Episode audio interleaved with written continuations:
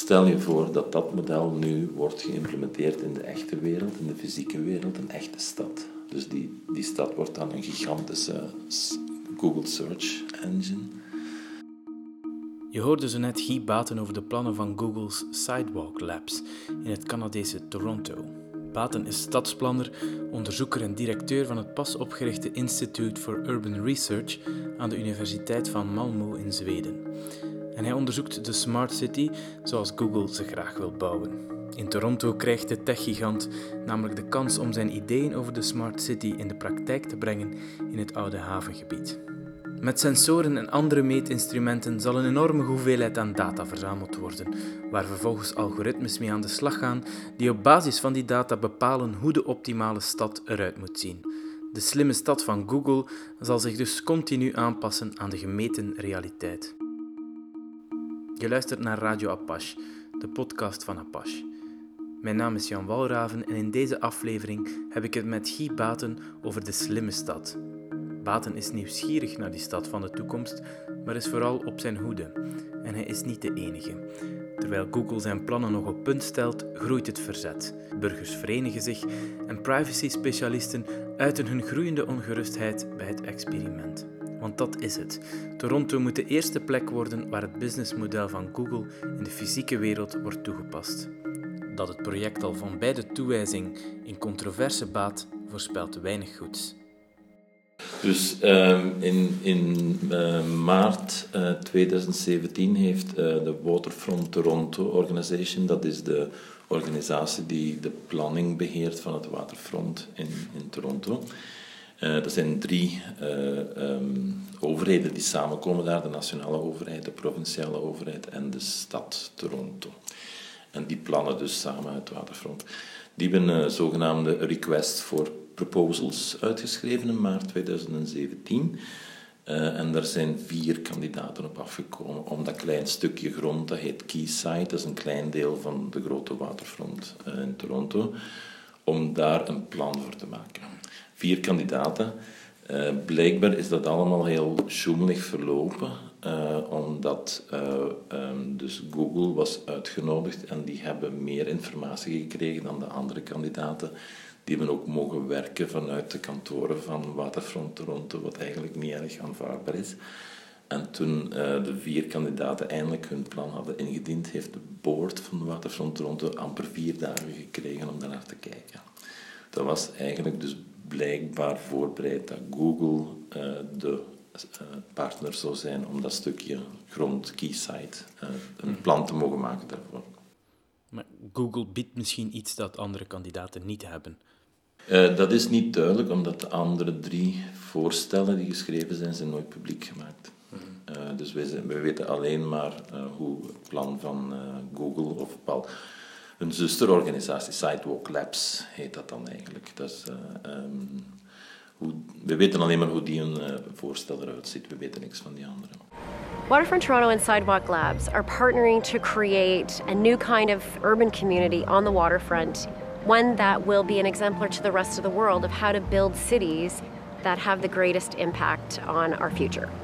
Addressing the challenges that Toronto has requires a different way of thinking. I like the fact that Sidewalk is bringing a different approach that includes both planning and process and community and technology together, rethinking how we build cities in the 21st century.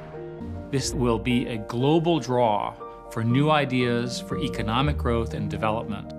Our technology applied with the energy, the passion of the citizens of Toronto will make this thing incredibly successful. Je hoorde achtereenvolgens Mac Davis en Will Fleisig van Waterfront Toronto, het Canadese stadsontwikkelingsbedrijf, en Eric Schmidt, CEO van Alphabet, het moederbedrijf van Sidewalk Labs en ook van Google. In een blitz promofilmpje leggen ze hun goede bedoelingen uit, die erop neerkomen dat het project van Sidewalk Labs vooral goed zal zijn voor Toronto en de inwoners van Toronto. Voor Guy Paten is het duidelijk dat dit niet zomaar een experimentje is. Uh, hun uh, ambities zijn torenhoog. Die willen een prototype bouwen van een smart city. Uh, en dat prototype zou dan moeten kunnen geëxporteerd, geëxporteerd worden over heel de wereld. Dat is die hun ambitie. Sidewalk Labs is een start-up bedrijfje, dat is vier jaar oud. En plots staan die daar met een geweldig project in, in Toronto en willen die de grootste stadsplanner worden in de wereld. Uh, maar met natuurlijk al het Google-geld dat achterin zit, is dat, is dat niet onmogelijk, dat soort ambitie. Die willen een stad bouwen vol met sensors en camera's en zo verder, een smart city. en de bedoeling is dat onze stadsplanning er helemaal anders gaat uitzien. We gaan niet meer plannen op basis van plannen die goedgekeurd zijn door, door allerlei overheden en instanties die daar moeten naar kijken. Dan duurt dat drie, vier, vijf, tien jaar eer dat we dat gaan implementeren. Die willen constant de stad aanpassen, het gebruik van gebouwen, hoe dat die uh, benut worden, uh, de straten, banken, auto's zonder bestuurder enzovoort. Alles wordt eh, bijgestuurd, constant op basis van big data, eh, die dan constant verwerkt worden in algoritmes eh, en die dan beslissen van dat gebouw wordt misschien beter gebruikt voor kantoor of dat gebouw wordt misschien beter gebruikt voor iets anders. Dat kan constant veranderen. Dus je krijgt een heel andere stadsplanning, gebaseerd op algoritmes. een planning die wij absoluut niet gewoon zijn. Dus dat stelt meteen de vraag van democratie kan dat zomaar dat een privé, privaat bedrijf de stad constant verandert op basis van data's die verwerkt worden. Uh, dus de democratie is een, is een heel groot probleem natuurlijk. Uh, maar dat is ook een stad die je dan begint te bouwen, een stad zonder um, erfenis. Die stad kan constant veranderen. Wat is de, de, het erfgoed van zo'n stad? Wat is de herinnering van zo'n stad? De memory van zo'n stad? Dat is uh, problematisch. Wat er gisteren was, is er misschien vandaag niet meer en morgen is dat weer anders. Krijgt een heel ander, letterlijk stadsbeeld dat constant verandert. En het zijn de data die beslissen. Sidewalk Labs is het bedrijf dat achter deze ambitieuze plannen zit. Het is een van de vele zusterbedrijven van Google en een jonge start-up. Het bedrijfje werd in juni 2015 opgericht en haalde in oktober 2017 al de opdracht binnen om Quayside, een deeltje van het havengebied van Toronto, te ontwikkelen. Maar het is niet het eerste project dat te ontplooien. Het jonge bedrijf is ook de belangrijkste investeerder in Link NYC, een netwerk van digitale kiosken die gratis wifi leveren in New York. En gratis, dat is bij Google en moederbedrijf Alphabet altijd een beetje een relatief begrip. Want als je gebruik maakt van de gratis wifi, betaal je daarvoor met je persoonlijke data, die vervolgens ten gelde gemaakt kan worden. Hetzelfde businessmodel past Google al enkele jaren online toe en wordt nu dus ook offline uitgerold. Baten noemt Sidewalk Toronto een voorbeeld van surveillance capitalism, het systeem dat de Amerikaanse onderzoekster Shosanna Zuboff beschrijft in haar toonaangevende boek en waarbij data over ons doen en laten als belangrijkste grondstof dient. Dat is de, dat is de belangrijkste grondstof, ja. Uh, en niet alleen om de stad te plannen, maar ook om het consumptiegedrag van alle mensen die zich in die stad bevinden bij te sturen. Je kan, als je weet waar die mensen zijn, als je die hun consumptiegedrag reeds kent, iemand drinkt graag koffie of zoiets, kan je prompt uh, berichten sturen naar die, die persoon zijn, zijn uh, smartphone van next coffee shop, 50 meter naar rechts. dat is natuurlijk een fantastisch advertentiemiddel dat Google aanbiedt en die gaan daar stukken van mensen mee verdienen als dat doorgaat. Het is wellicht naïef om te denken dat Google dit enkel doet om van Toronto een betere, slimmere stad te maken. Er valt ook wat te verdienen als je als techgigant een stadswijk mag beheren. Advertentieruimte verkopen bijvoorbeeld. Al zal het daar niet bij blijven. Ik denk ook als je daar een, een winkel of een weet ik veel wat bedrijf hebt, moet je een contract sluiten met Google om gezien te worden. Die bestemmen of jij gezien wordt op Google Maps of niet. Mhm. Ehm, en natuurlijk, de, de, het is zo'n uh, revolutionair businessmodel, want tot nu toe hebben die natuurlijk ook heel veel data verzameld, maar alleen maar digitaal via hun search engine. Mhm. Die kennen jouw, jouw zoekgedrag. En op basis daarvan hebben die heel veel data verzameld en geld verdiend, advertenties gestuurd naar jouw computer en smartphone. Stel je voor dat dat model nu wordt geïmplementeerd in de echte wereld, in de fysieke wereld, een echte stad. Dus die, die stad wordt dan een gigantische Google Search Engine. Uh, en dat is revolutionair, uh, omdat Google dan plots van digitaal naar, naar fysiek gaat. Uh, en dat is ook uh, revolutionair, omdat wij dan plots uh, een stadsplanning hebben zoals we die nog nooit gezien hebben. Dat is toch compleet nieuw. Mm. Dus zowel voor planning als voor het, het, het, ja, de Big Five, de, de, de, vijf grote tech companies, die, die, dat binnen tien jaar, binnen twintig jaar zien die er helemaal anders uit als dit doorgaat. Als de plannen doorgaan, zegt Paten terecht, want ze zijn nog niet goedgekeurd. Toch kan je nu al een beeld krijgen van de Smart City van Google, dankzij documenten die zijn openbaar gemaakt of tegen de zin van Google zijn uitgelekt. Het uitgangspunt van Google komt in het kort neer op de data weten het beter. Paten formuleert hierop een fundamentele kritiek. Als je Google mocht geloven, en, en die schrijven dat ook in hun documenten, um, planning zoals we dat nu kennen, dat is veel te traag, uh, dat is veel te status. Um, en zij geloven echt dat big data uh, veel beter zijn in het bestemmen van wat de, optimale, het optimale landgebruik is in een stad. Uh, ze zijn daar vast van overtuigd. Dat hun algoritmes beter kunnen plannen dan planners, politici. Uh, mijn, mijn grootste zorg is is democratie. Er zit geen procedure in die bestemt dat de mensen beslissen hoe de stad er gaat uitzien en dan gaan we dat implementeren. Dat is misschien veel trager en statischer. En misschien wat we vandaag beslissen en we gaan dat tien jaar later implementeren, misschien werkt dat niet meer zo goed. Maar het is tenminste op een of andere manier democratisch. Daar, heb ik grote vragen bij. Kan een machine, een computer, uh, hoe groot die ook mag zijn, hoeveel data dat je er ook kunt insteken, kan die dat beter doen dan onze trage, saaie, democratische besluitvorming. Uh, ik, ik, ben geneigd om, om het bij onze gekende, trage, democratische besluitvorming te houden. En ook een, een, een ander groot probleem is natuurlijk, uh, als je dat eenmaal gebouwd hebt, zo'n algoritmische stad, uh, dan kan je niet meer zonder Google. Ehm, want die zijn de enigen die weten hoe dat moet bestuurd worden. Die zijn de enigen die die gegevens kunnen verwerken. Dat zijn de enige mensen die jouw stad kunnen blijven plannen op die manier. Ehm, wat je dan natuurlijk kan, wat je kan doen als stad is gewoon zeggen tegen Google, that's it. Uh, jullie stoppen daarmee, we gaan die stad overnemen, we gaan die terug beginnen plannen zoals we dat gewoon zien. Dat, dat kan je doen. Je luistert gratis naar Radio Apache. Word nu lid voor 80 euro per jaar en maak onze journalistiek en podcasts mogelijk. Surf naar apache.be slash wordlid. De stad van Google dreigt in de eerste plaats vooral Google zelf ten goede te komen. Maar wat betekent het voor de inwoners van een stad wanneer de algoritmes van een techgigant beslissen hoe die stad eruit ziet? De stad wordt wel slimmer, maar voor wie?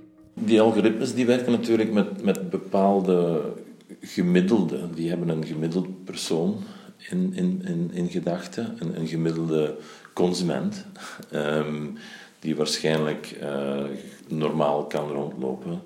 Uh, en dat is heel goed geweten dat die algoritmes, minoriteiten, bijvoorbeeld um, mensen met een donkere huidskleur, facial recognition van Amazon, die slagen er niet in om meer dan twee derde van zwarte vrouwen te herkennen, die facial recognition. Dus die algoritmes die, zijn racistisch, die zijn seksistisch, uh, die, die houden geen rekening met mensen die gehandicapt zijn en in een rolstoel zitten enzovoort. Dus die hebben een heel gemiddeld persoon uh, in gedachten. Dat is waarvoor dat die plannen. De gemiddelde consument. Mm -hmm. En iedereen die daar buiten valt, iemand die niet consumeert, hoeft dat niet te zijn. Nee. Baten is natuurlijk niet de enige die kritische vragen stelt bij de plannen van Sidewalk. Sinds enkele maanden hebben activisten zich verenigd. En dat is toch wel uitzonderlijk te noemen. Voor zover ik weet is dit het eerste Smart City initiatief dat georganiseerd protest heeft teweeggebracht. Een aantal mensen, een, ik denk een dertigtal of zo, die zich Block Sidewalk, de titel ligt er niet om, uh, noemen en die willen dat dat project ophoudt. Mm. Um, en die hun kritiek, ja, die is voornamelijk gericht op uh, de, um, um, de dataverzameling, hoe dat, uh, de, de, privacy die moet beschermd worden van de mensen die daar rondlopen. Die kunnen niet constant hun consent, hun toestemming geven om hun data te laten gebruiken. Als je in de stad rondloopt, uh, kun je moeilijk vragen, nu, nu komt je in Google-stad binnen, mogen wij jouw gegevens gebruiken? Uh, dus dat is een zeer groot probleem. En er zijn een aantal zeer prominente figuren in, in die protestbeweging, als ik dat zo mag noemen. Uh, waaronder een zekere Anne Kevokian. En dat is een, een, een privacy guru, data privacy guru. Uh, die heeft een aantal beroemde boeken geschreven die aan de basis liggen van de GDPR in, in de Europese Unie, maar ook aan wetgeving in Japan, Canada en zo verder. En die zat op een van die advisory panels van Sidewalk Labs.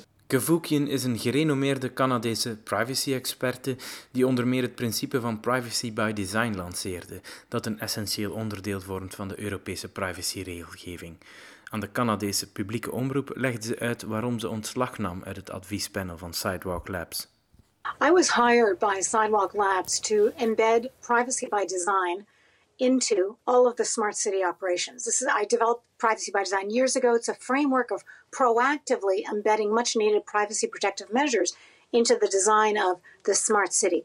Now normally that would involve obtaining the positive consent of the residents of the city. But we know that's not possible here because the data will be collected automatically by sensors and other technologies. So the opportunity for consent doesn't exist. So, what do we do about that? My comment was you must de identify all the personally identifiable information at source, meaning at the time it's collected by the sensor, you de identify it right then and there using very strong de identification protocols that will pre- resist re identification attacks. That's essential. Mm-hmm. And Sidewalk Labs has committed to that. But recently, on, on Thursday at the meeting, um, they indicated to Waterfront Toronto that they want to create this new civic data trust, which is great. A number of bodies will participate and make decisions relating to the use of the data, but that they could only encourage the de identification of data, not make it mandatory. And when I heard that, that's when I knew I had to resign. Sidewalk Labs kwam dus terug op een eerder gemaakte belofte over de verwerking van data en dus over de privacy van inwoners en bezoekers van de slimme stad. Alweer niet zo'n hoopgevend signaal. Voor Baten is het verzet tegen dit experimenteel project van groot belang, want als Google in Toronto in zijn opzet slaagt, dan is het een kwestie van tijd vooraleer andere steden volgen. Zelfs nu al heeft Sidewalk zijn oog laten vallen op een veel groter stuk van Toronto. Het probleem nu uh, is ook dat. Dus zij hebben een contract getekend om voor die kleine site, Quayside, een plan te maken. En die, die site is ongeveer 5 hectare groot, dus dat is niet zoveel.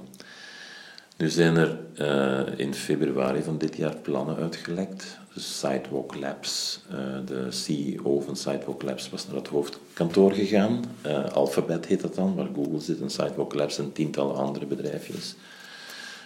om daar een, update te geven over waar dat ze mee bezig zijn in Toronto. Die plannen oh, die, die uh, PowerPoint die hij daar heeft getoond, die is uitgelekt naar een lokale krant in Toronto, de Toronto Star. En blijkbaar hebben die plannen voor de hele uh, um, havengebied, dat heet dan Portlands. En niet zomaar voor dat klein stukje, 5 hectare, maar zoiets voor 170 hectare of zoiets. Ik, ik weet het precieze getal nu niet meer. Dus blijkbaar hebben die geheime plannen om daar een heel groot project van te maken. Zonder dat iemand die hen gevraagd heeft, wilt je eens even een plan maken voor de hele Portlands? Die zijn daar zelf niet opgekomen. Ja. En dan natuurlijk, dan denk ik van, uh, waar zijn we nu mee bezig? Ik bedoel, er, er, is helemaal geen democratie meer mee gemoeid. Dat is echt, je kunt dat koloniaal noemen, ja. Uh, wij, wij, hebben het recht om hier een plan te maken. Uh, waar komt dat recht dan vandaan? Er is geen recht, dat is een, koloniale, een koloniaal manoeuvre. De plannen van Sidewalk Labs en Google in Toronto passen dus in een veel groter project. Ook daarom is het verzet er tegen interessant, want het raakt aan een fundamenteel probleem van de slimme stad. Zonder data kan die stad immers nooit slim zijn. Hoe kan je in zo'n stad dan de privacy waarborgen? Geen gemakkelijke vraag, maar Baten ziet wel dat niet elke stad het aanpakt zoals Toronto. Er zijn dus wel voorbeelden van hoe het anders kan. En opnieuw staat democratische besluitvorming daarin centraal. In Barcelona bijvoorbeeld. Daar uh, zijn de Smart City-initiatieven in de handen van de stad Barcelona. Dat is dus de lokale overheid die beslist hoe die eruit zien, wat er geïmplementeerd wordt. Er is geen privaat winstmotief, er is geen Google, er is geen Amazon aanwezig. Dat is de stad die natuurlijk in samenwerking met lokale bedrijven, uh, lokale uh, innovators, start-ups, scale-ups, al, hoe heet al die dingen, uh, proberen een, een smart city te bouwen. Dus een ander model is perfect mogelijk. Mhm. Ook in Vlaanderen houden verschillende steden en gemeenten zich nu al bezig met de slimme stad. In het project Smart Flanders is er gelukkig wel aandacht voor data en het beheer ervan. Afwachten hoe slimme steden zich bij ons zullen ontwikkelen. Maar als we die steden van de toekomst niet enkel slim willen maken, maar ook democratisch houden, dan houden we best deze raad van Francesca Bria, de Chief Technology and Digital Innovation van de stad Barcelona, en technologiefilosoof Evgeny Morozov in het achterhoofd. Het is cruciaal dat steden de macht behouden om zelf onafhankelijk beleid te voeren en over hun eigen lot te beslissen. Dit was Radio Apache. Bedankt voor het luisteren en tot binnenkort. Wil je Apache steunen en nog meer podcasts kunnen beluisteren? Surf naar apache.be slash wordlid. De muziek in deze podcast kwam van Lee Rosevear.